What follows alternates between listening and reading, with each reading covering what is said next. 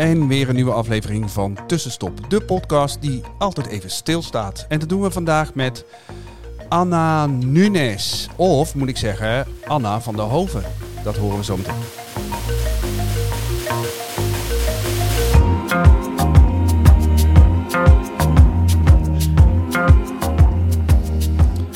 Dag Anna.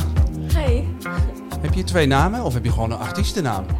Ik heb, uh, ik heb twee achternamen. En ik heb er één gebruikt voor mijn artiestennaam. Dus... Um, de meest exotische.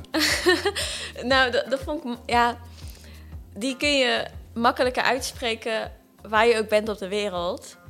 En in Portugal, als je, ik ben in Portugal geboren... En daar krijg je altijd de, moeder, uh, de achternaam van je moeder en van je vader. En dan gaat de naam van de moeder eerst. Dus het is Anna Nunes van den Hoven. Maar dat is veel te lang om als kunstenaar in iemands hoofd te blijven hangen of te signeren. Dus toen dacht ik, ja, dan uh, ga ik hem even inkorten. Anna Nunes. En dan vond ik ook iets Nederlands hebben en iets Portugees. Want um, op mijn paspoort staat Anna met één N. Maar mijn vader is ervan overtuigd dat het met twee N'en is. En dat zij het verkeerd hebben opgeschreven. En uh, dus hij noemt me Anna met twee N'en. En dat is de Nederlandse naam. En Nunes is het Portugese gedeelte. Dus zo dacht ik, ik voeg het samen. Anna Nunes. Voor kenners, Anna met twee N'en. Um, kunstenaar, kunstenares, mm -hmm. beeldenkunstenaar. Ja. Uh, wat doe jij? Wat maak jij? Want je kan natuurlijk op heel veel manieren beeldenkunstenaar zijn. Ja. Um, ik schilder vooral. En vooral grote portretten van inheemse mensen die ik heb ontmoet. En ja, die mij hebben geraakt, mij hebben veranderd op een positieve manier. En dat, uh, dat wil ik delen. En dat doe ik dus via portretten. Maar nu ben ik ook overgegaan op tekenen en op prints maken. En ik hoop binnenkort met beelden te gaan werken. Dus het groeit. Alles is open dus. Ja, ja. Je was heel specifiek. Je zei, um, het leek erop of zei, die ik heb ontmoet. Is dat belangrijk? Is dat, is dat onderdeel van het, uh, van het project? Dat je mensen eerst ontmoet en dat je daarna een portret maakt? Ja, ja. Want ik was een ander mens voordat ik zes maanden lang werd ondergedompeld in mijn eentje bij inheemse gemeenschappen in West-Afrika. Mijn ouders hebben allebei een achtergrond in Afrika. Mijn moeder heeft in Mozambique gewoond, mijn broer is daar opgegroeid. En mijn vader heeft een NGO in Oeganda en is gelinkt met ontwikkelingshulp. Maar pas toen ik voor het eerst daar alleen naartoe ging, gerelateerd aan mijn masterthesis, en eigenlijk van alles misging. Dus ik kwam daar in mijn eentje terecht. Dat was helemaal niet de bedoeling. Maar daardoor kwam ik heel open in die omgeving. En um, was ik heel open om contact te maken met de mensen en niet aan een westers klikje eigenlijk te hangen en uit mijn comfortzone te gaan. En toen, toen zag ik eigenlijk voor het eerst hoe het is om, uh, om met die mensen te leven en te werken en samen te zijn. En dat was toch anders dan uh, als ik dat niet zo had gedaan. Dus als ik hun niet had ontmoet, dan um, had ik het belang van dat portret, dat te delen van de mensen die ik heb ontmoet, met al die ervaringen die aan gekoppeld zijn en al die gevoelens, om dat allemaal in dat schilderij te stoppen. En anders was het voor mij, had, ik niet, had dat schilderij niet de, de emotie of het gevoel die je voelt als je het Maar ziet. was dit het moment waarop je van student aan de Universiteit van Wageningen uh, veranderde in kunstenaar? Nou, ik denk dat ik altijd al een kunstenaar... Oké, okay, klinkt heel stom, maar ik denk dat ik altijd al een kunstenaar was. Je schilderde wel al? Uh, heel weinig. Maar ik kom wel uit Portugal en heb ik tot mijn twaalfde gewoond. En daar, daaruit bestond mijn leven uit spelen met dieren en uh, vingerverf en tekenen. En toen we naar Nederland kwamen, sprak ik nog niet goed Nederlands. Ik kon niet eens schrijven. Dus toen veranderde even alles. Tien jaar heb ik niks meer met kunst gedaan. Maar ik, ik heb het wel gemist. En ik denk dat het wel altijd in me zat. Maar toen ik 19 was, was het geen optie meer om naar de kunstacademie te gaan. Ik had, Waarom ik, niet? ik had die zelfvertrouwen niet meer. Weet je, je moest een portfolio hebben. Nou, daar had ik de afgelopen tien jaar geen tijd voor keek gehad. nog eens naar die tekeningen van toen je elf was. Je dacht, maar ik weet niet. Ik, ik denk, ik, ik voelde Maar je wel... hebt er dus wel over nagedacht. Ja, en ik ben ook al. naar gaan kijken. Maar ik werd meteen geïntimideerd, want die mensen leken toen heel zelfverzekerd. En eh, die hadden ook allemaal een, een bepaalde... Ja, die kleed zich op een bepaalde manier. Die wilden iets laten zien. En dat, Dat had ik verschil niet. tussen jouw tien jaar pauze die zij niet hebben gehad. Ja, dat verschil ook met Wageningen. Wageningen, ja, dat, dat vind ik heel ontspannen. En Amsterdam en dan Rietveld Academie, daar schrok ik wel even van. En ik dacht, oh nee, ja, daar kan ik niet tegenop. Dus toen was optie B de dieren. Dat was ook van vroeger. Maar ik denk, als je dan op jezelf gaat wonen en gaat studeren... en je, laat, je komt los van je ouders... en ik had geluk tijdens mijn studie dat ik heel veel mocht reizen. En dan kom je heel vaak uit je comfortzone. En daardoor ontdek je wel heel erg wie je bent. En eh, En wat, Wat- je echt wil. ja, wat je echt wilt. En wat vaak een rol komt te spelen als je ergens uit moet redden. En dat is vaak het even tekenen, bijvoorbeeld als ik de taal niet begreep. Eh, of creatieve oplossingen. En heel erg mensen aanvoelen, heel intuïtief. Dus toen kwam ik er wel achter van... oh, misschien, misschien moet ik een andere kant op... als ik iets duurzaams wil doen. En, en nu denk ik, oh, ik heb het altijd in me gehad. Ik heb het altijd... Je, je wordt, ik denk wel als kunstenaar dat je, dat je het gewoon in je bloed hebt. Dat je met je handen wilt werken, dat je heel veel voelt. En dat kun je niet in... Ja, sommigen kunnen het in woorden brengen. Ja, ik ben daar iets minder goed in. Maar dan wel met kleur Valt en best vorm. mee tot nu toe hoor. Het komt er goed uit. Ehm, ehm, Oké, dus dat zat altijd in je. Heb je spijt van die pauze? En, en eh, je, je hebt je studie afgemaakt? Wat Ja. heb je gestudeerd? Ik heb eerst bos- en natuurbeheer gedaan. En daarna heb ik eh, biologie, ook hier in Wageningen gedaan. En dan diergedrag. En heb je daar spijt van? Nee, eerst, eerst dacht ik van, oh, ik, krijg daar, ik heb daar spijt van. En nu denk ik, nu ik weer wat zekerder ben... want toen ik ermee stopte, tenminste toen de wetenschappelijke kant even stopte... toen, ja, alles is dan zo pril, ook de nieuwe kant waar ik naartoe ga. Maar nu ben ik wat zekerder en nu denk ik, nee, het had zo moeten zijn. Want ik, was, ik ben heel gevoelig. En toen ik jonger was, wist ik daar minder goed mee om te gaan. Dus ik denk, als ik naar de kunstacademie was gegaan, had dat mij heel erg beïnvloed. En eh, de thema's. eh, eh, ook ik zou, ik denk, minder vrij zijn in wat ik maak. En nu heb ik wel een hele eigen stijl. Het is heel vrij. Niemand kon me oordelen. Alleen ik. En daardoor ben ik wel, denk ik, heel dicht bij mezelf gebleven. Dus, en ik wist nooit wat ik met mijn creativiteit aan moest. Dus ik vond het een beetje bijna zinloos. En door heel mijn studie heb ik een hele goede reden gevonden waar ik het mee kan uiten en waar ik mee mijn creativiteit voor kan gebruiken.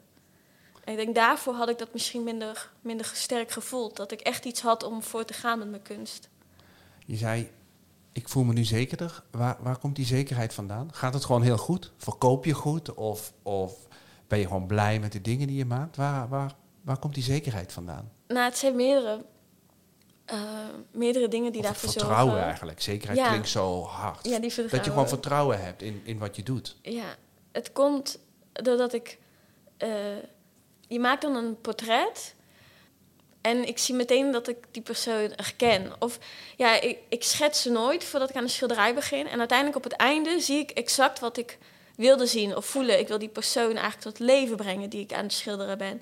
En dan zie ik van, oh, dat is gelukt. En dat geeft je alweer zelfvertrouwen. Ja, ja, dus het, het vertrouwen komt uit, je wil iets doen. En, na lukt. afloop zeg je, ja, het is gelukt. Ik Ja. wilde dit erin stoppen en ik zie het er nu in. Ja, en dat het ook dan telkens makkelijker gaat. En, en, en, en dat het eigenlijk dat je werk telkens beter wordt. Dat geeft ook heel veel vertrouwen van, oh, dit is misschien het begin, dit blijft niet zo, dit, dit blijft ontwikkelen. En ook de omgeving van buiten, dat, ehm, dat op een gegeven moment ook kansen naar je toe komen. Eh, of Dat niet alleen jij dat ziet en voelt, maar dat andere mensen ook zeggen: hé, hey, daar gebeurt iets bijzonders, daar, dat willen we zien, Ja. daar willen we meer van weten. dat ze het herkennen. En Heb je dat nodig? Want je begon met heel erg bij jezelf. Want Ja, ik dat zie dat het lukt en dat is genoeg. Ja, dat, eh, het belangrijkste is dat ik er zelf in geloof. En eh, wat stimuleert is als de omgeving er naar gaat vragen. Of je kansen geeft. Of de mensen van wie het niet verwacht dat ze iets erin zien, het willen gaan kopen. Dat, dat stimuleert het. Maar het belangrijkste is dat ik er wel, dat, dat mij drijft, is dat ik er zelfvertrouwen in heb. Ja.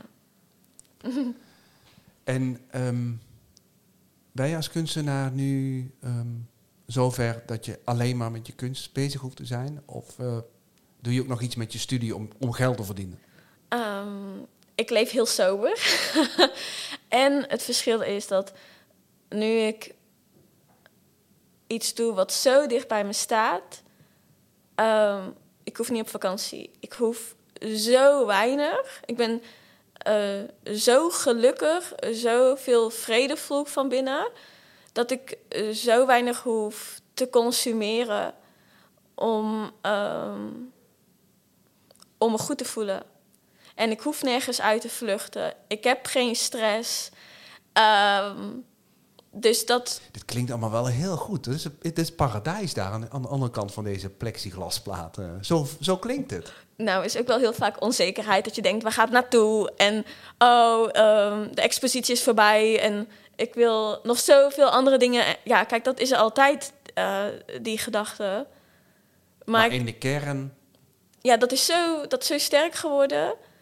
En ik heb het ook wel leren uitschakelen in mijn hoofd. En, en is dat al lang? Hoe, hoe lang noem je jezelf kunstenares? Wanneer, wanneer was dat die omslag die je eerder benoemde? Uh, dat is nog niet zo lang. uh, dus ik ben in 2018 afgestudeerd. En uh, ik ben pas weer begonnen met wat meer te schilderen toen ik terugkwam uit Afrika in 2017. Maar dat is wel een grote beslissing dan. Je, je hebt zeg maar jarenlang die studie af, een, een, een rondje af. Je komt terug en dan het roer om. Nou, het kwam toen ik terugkwam uit Afrika, kwam ik ernstig ziek terug. Dus je kon ook niks? Ja, ik ben opgenomen in het ziekenhuis. Um, nou, gelukkig ben ik er nog, maar het was wel heel spannend. En uiteindelijk moest ik daar heel lang van revalideren. Um, en dat je zorgde... Benoem, je benoemt het nu, wat, wat, wat was er aan de hand? Ben je ziek geworden in Afrika? Ja, ik heb, ja het was de... Zoals ik zei, er gingen heel veel dingen daar mis. Maar daardoor heb ik ook heel veel mooie dingen uh, ervaren. Dus ik ben daar eigenlijk ook wel dankbaar voor. Want anders had ik misschien niks met kunst gedaan. En um, bijvoorbeeld, ik moest me soms wassen in de rivier. Of water drinken uit de rivier, omdat de waterputten droog stonden. Uh, maar ja, de rivier stroomde eigenlijk ook niet meer, was zo weinig water. En ik werkte in de bossen. En um, ja, dan krijg je allemaal schrammen, krijg je wonden. En door de luchtvochtigheid daar gingen ze ook niet meer dicht. En toch moest ik me wassen en ik moest water drinken. Dus ze denken dat, dat er een parasiet via het water in mijn lichaam is gekomen. En dat duurt altijd een aantal weken voordat je ziek wordt. En de dag dat ik in Europa aankwam, kreeg ik pas hele hoge koorts. En ik dacht dat ik malaria had, maar dat was het niet. En het is West-Afrika. Het was echt in de tijd dat ebola bijna voorbij was. En er zijn daar heel veel ziektes die ze nog niet kennen. Dus ze zijn er nooit achter gekomen wat ik heb gehad, maar wel een parasiet. Ja. Wauw. Ja. Maar dat was dus een belangrijk schakelmoment. Dat, daardoor lag alles stil. En toen werd je, kwam je uit het ziekenhuis. Toen dacht je, laat maar zitten die studie. Dit is wat ik wil. Nee, nee, ik was toen nog heel koppig. En ik, nee, nee, want ik had het, uh, het onderzoek dat had ik helemaal zelf eigenlijk wel opgezet. En ik stond er helemaal achter, dus dat wilde ik ook afmaken, want ik had echt gezwoegd in de, in de bossen. En weet je, ik best wel grote risico's gelopen voor het onderzoek, dus ik wilde het ook afmaken. Maar ik was erg verzwakt. En het enige wat, ik, wat mij moeiteloos afging, was schilderen. En ik kon er in het begin ook niet met mensen over praten. Nu wel, maar toen met wie kon, ik, wie kon mij begrijpen hoe het is om kinderen in je omgeving te hebben die sterven aan malaria of aan een slangenbeet? Hoe het is om honger te hebben, hoe het is om geen drinkwater te hebben. Uh, hoe het is. Om dat allemaal te zien en er niks aan te kunnen doen ook. Dat lijkt me heel machteloos te voelen. Ja, en het is soms ook heel, heel eng. En je hebt ook de mooiste dingen ervaren. En die ik ehm, ik kwam in hele bijzondere gemeenschappen terecht. En ik heb daar zulke mooie dingen ervaren dat ik dacht... "Oh, ik wist niet eens dat het bestond, dat het kon. Dus hoezo, hoe kan iemand anders dat begrijpen? En de enige manier om dat toch te uiten was schilderen. En dat was toen mijn alles. En dat is gaan groeien. Ik kon er niet meer zonder. Dus dat is zo gedurende het afronden van mijn studie gelopen. En toen zei Thea Vos, kunstenares hier in Wageningen... ging ik altijd één keer in de week ging ik bij haar schilderen. Die zei, dit moet je laten zien. En toen kreeg ik ook nog een vriend die wel de kunstacademie heeft gedaan. En die zei, dit moet je ook laten zien. En toen dacht ik, oké. En toen begon ik dat als voor de lol. En toen bleven er zo balletjes naar me toe rollen. En toen ik... Ik had toen mijn studie wel afgemaakt, maar het ging toch nog helemaal niet goed met mijn gezondheid. Maar als je nooit echt ziek bent geweest, weet je ook niet hoe je daarmee moet omgaan. Dus na mijn studie was ik eigenlijk helemaal op, want ik had eigenlijk al mijn reserves wel opgebruikt. Ehm, en toen, toen stopte even alles. En ik werd ook niet. Onderzoek voelde ook niet echt meer als duurzaam. Dat kan ook zijn puur door hoe het met mijn lichaam ging. Maar het enige wat ik toen ook nog kon was kunst. En dat bleef naar me toe rollen. Dus daar ben ik steeds meer gaan vastgrijpen. En ik kreeg toen ook die vertrouwen van: oh, maar wat ik maak is goed. En toen zag ik ook dat mensen er echt mee kon raken. Zelfs de meest harde mensen. Toen dacht ik, ja, maar met de wetenschap heb ik... Ik ging om de natuur te beschermen. En telkens zag ik alleen maar dat het achteruit ging. Dus ik verloor ook steeds meer mijn, meer mijn vertrouwen in de wetenschap. Of ik voelde mij zelf ook steeds minder geschikt om daar iets mee te doen. Omdat ik er minder plezier uit kreeg. Het raakte me te veel. En tegelijkertijd ging het met de kunst wel. Ja, en dat zag ik. Oh, ik kan met iets moois en met alle positieve dingen die ik heb ervaren daar, kan ik mensen emotioneren of raken of zelfs leiden dat ze bewustere keuzes gaan maken in hun leven. En toen dacht ik, ah, zo kan ik ook mijn steentje bijdragen. En de cirkel is rond. Dat was een van mijn weinige vragen die ik. Ik probeer altijd heel open in uh, dit soort gesprekken te gaan. En, maar wat ik bij jou proefde in alles wat ik zag en lees en las, is je hebt ook wel echt een doel ja. met je kunst. Het, en en um, dus een van mijn vragen was, maar bereik je dat doel dan? Het lijkt me zo, zo lastig, zo'n doel te hebben. En dan als kunstenaar heb je natuurlijk weinig invloed op wat mensen er uiteindelijk mee doen. Mm -hmm. Maar je, eigenlijk heb je het al beantwoord, want kennelijk werkt het. Je zegt mensen worden geraakt en komen zelfs in beweging. Dat gaf mij ook het vertrouwen van, oh, ik moet hier iets mee doen. En hoe komen ze dan in beweging? Nou, dat weet ik niet zeker, maar ik heb het. Mensen vertellen je wat, dus daar moet je van uitgaan. Ik merk dat sommige mensen soms, uh, nou, als ze mijn schilderij zien, worden ze of geconfronteerd met, met, die, met een heel kwetsbaar persoon, maar met hele sterke ziel. En dat zie je in de ogen en in de expressie. En daarmee wil ik mensen laten zien van... hé, hey, wij leven hier, maar alle keuzes die wij hier maken... hebben invloed op ook andere mensen die aan de andere kant van de wereld wonen. Die hun land kunnen kapot maken. En met andere schilderijen wil ik het respect, uh, hun sterkte... Het, de, de gevoel die ik voor ze voel, die, die grote liefde dat wil ik mensen laten voelen. En dat emotioneert dan weer mensen. Die liefde merk ik gewoon dat mensen wat verzachten. Wat, wat, ja, wat meer open gaan staan. En ik denk dat dat ook heel erg belangrijk is om andere culturen te begrijpen. Onze verschillen voor open te staan. Maar ook dat ze dan, als mijn schilderij, zonder dat ik iets vertel, ze even verzacht of vrolijk maak dan zal die persoon ook een stuk vriendelijker de dag instappen.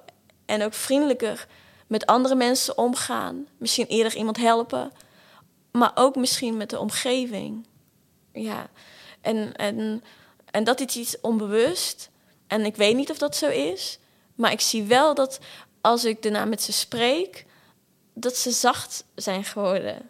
Dat ze minder afstandelijk zijn. Nou, daar zit dat, dat, dat is wow. gewoon. Ja. Ze zoeken contact. Ja.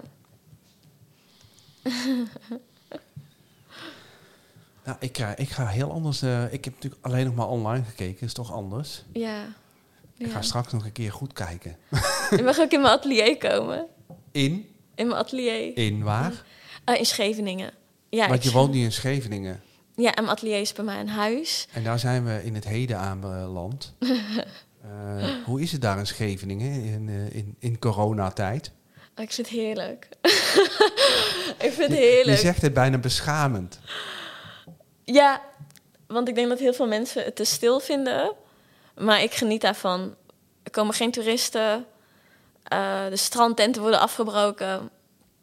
En ehm, ja, bijna niks is open. Maar daardoor overheerst de zee, de wind, de zeehonden, de bruinvissen. De, natuur is daar dan zo aanwezig.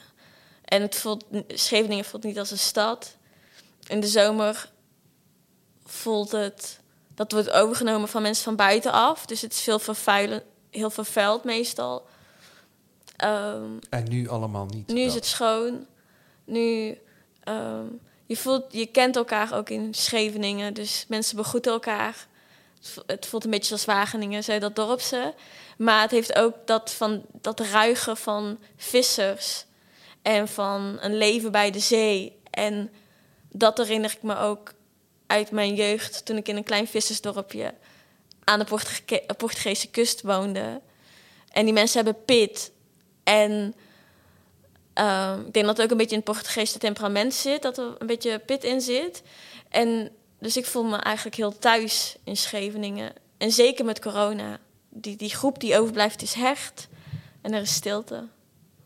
En, maar mis je niet de mensen om je heen? Want je mag nergens heen. Tenminste, je, je beschrijft nu de mensen in Scheveningen. Dus dat, dat, dat, dat voelt nu eigenlijk eh, beter dan, dan normaal. Want, want, want het is weer van de Scheveningers, voor nu even. Ehm, waar je jezelf dan ook niet toe rekent, eh, begrijp ik. Nee, ik, ja, ik weet niet of Maar als kunstenares, ik bedoel, je bent nu in Wageningen. Je, je gaat straks oude vrienden opzoeken, gok ik. Mhm. Ja, ik mis mensen wel. Ehm, Het hoeft niet hoor, je mag ook gewoon nee zeggen. ik ben sowieso iemand die heel graag op zichzelf is. En ik verveel nooit. Dus het komt soms niet in me op om mensen op te zoeken. Ehm, en ook, ja, kijk, met, ik ben na Afrika ben ik fysiek nooit meer de oude geworden. Dus ehm, Je doet gewoon rustig aan. ja, in alles moet ik wel afwegen in wat ik in de keuze die ik ga maken met mijn energie. En dan kunst, dat kost mij dus geen energie. En ehm, dus dat gaat moeiteloos. En eh, voor mij is er nog zoveel over te vertellen dat ik daar misschien soms mezelf in, ja, misschien in kwijtraak, maar het is ook weer niet kwijtraken. Ik vind, ik vind dat het leukste om te doen. En als ik dat niet doe, dan kan ik naar het strand. En dan ben ik in de natuur. Dus ik heb daar zo eigenlijk alles wat mij gelukkig maakt. Dat ik soms niet eens weet waar ik de tijd moet maken, halen om mensen op te zoeken. Omdat ik het, zo fijn. dat ik er niet uit wil. En, en je omgeving, trek je die er dan wel eens uit? Die zeggen, Anna, hallo. Eh, ja, zoals jij vandaag. Hoi Anna, welkom in de wereld. Hier zijn we. nee, Um, maar je, je, je, je benoemde het, eh, je vriend, die heeft kunst, eh, eh, Kunstacademie gedaan. kunstacademie Ja. gedaan. Eh, zitten jullie dan met z'n tweeën in je eigen bubbel? Hij wordt een straat verder. Ehm, dus ook zelfs als we samen zijn, dan is het tijd voor musea. Of we gaan samen eh prints maken. Of we gaan ook naar het strand. Want hij is, hij is ook iemand die een sterke link met het strand heeft. Dus dat zorgt er ook wel voor dat het zo is. Maar aan de andere kant, het voelt voor mij nu ook heel erg belangrijk om mijn kunst te maken. Omdat ik de mensen met wie ik in Afrika heb geleefd, dat, daar hou ik zoveel van. En ik werd daar zo geconfronteerd met hun kwetsbaarheid. Dus ehm, ik reisde naar verschillende gebieden per mountainbike. En dan kom je af en toe de savanne, kom je van die grote trucks tegen, omdat ze bauxiet willen gaan mijnen. Ik werd zelfs geconfronteerd met dat hun waterputten droog stonden. Dus als het bos verdwijnt, hebben ze daar ook niet helemaal geen water of fruit. En ik werd zo geconfronteerd met waar hun nu voor staan.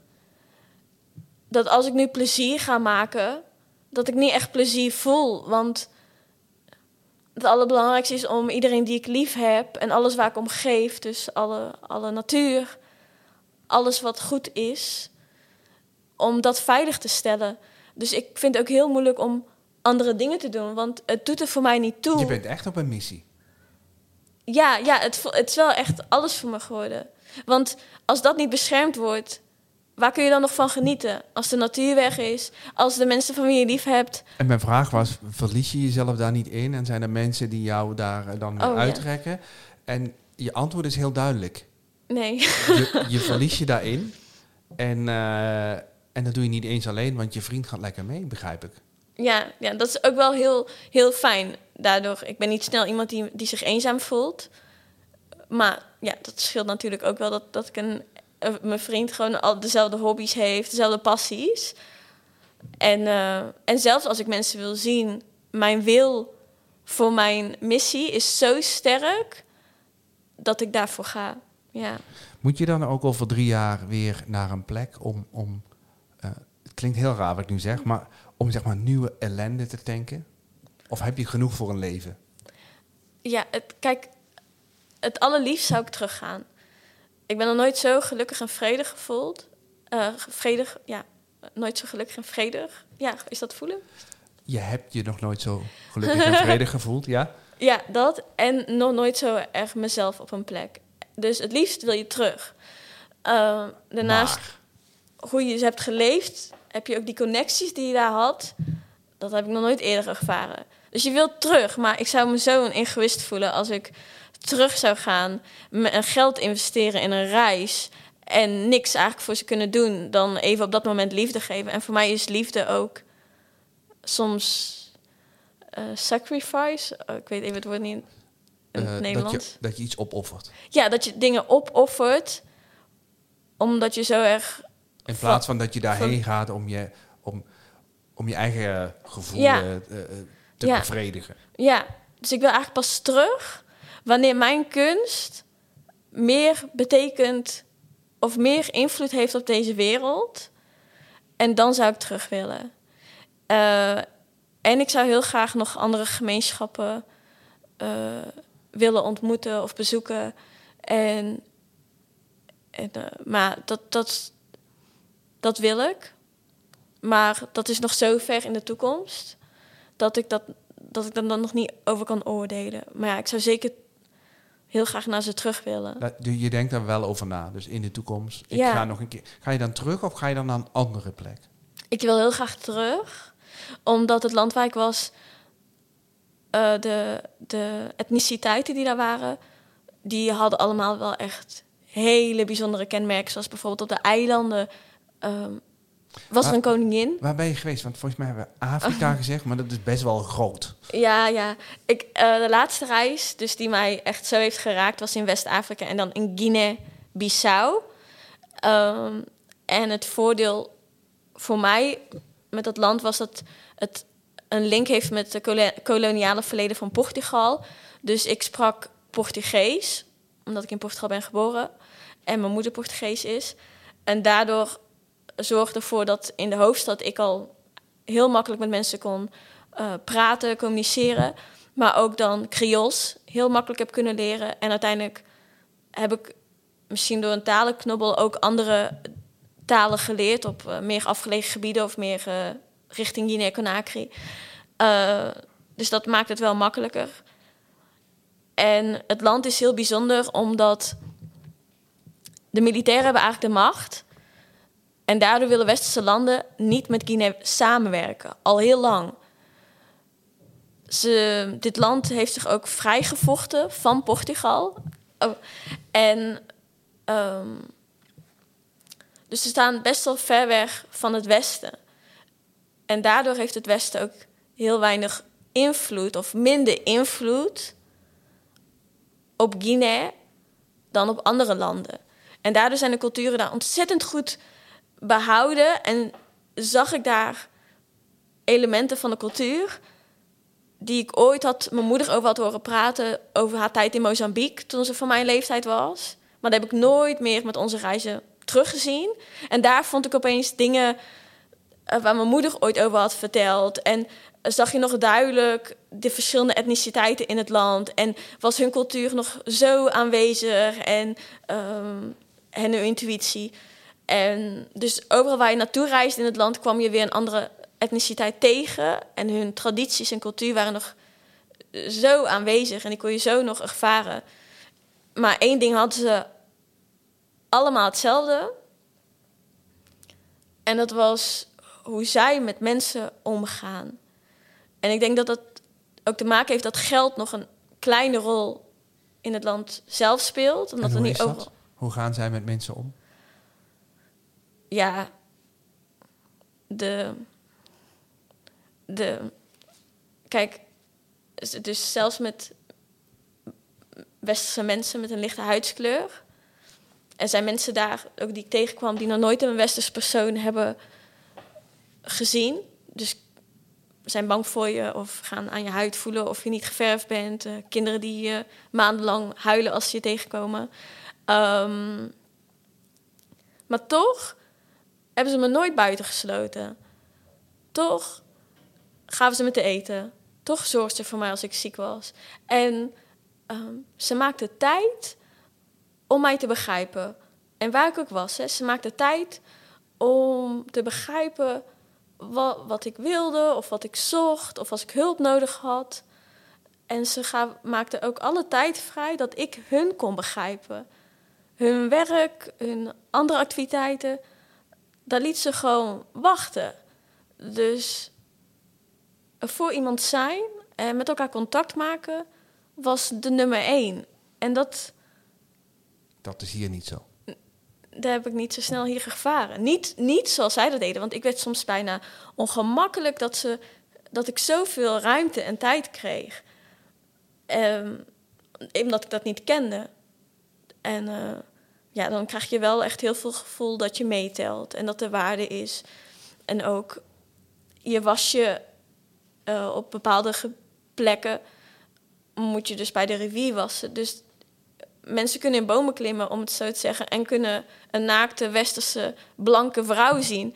Tenminste, als ik denk, als ik nog nooit een donkere persoon naakt had gezien, was ik toch wel nieuwsgierig. Maar nooit heeft iemand daar misbruik van gemaakt. De kinderen speelden in de bomen, maar ik heb ze nooit naar mij zien kijken.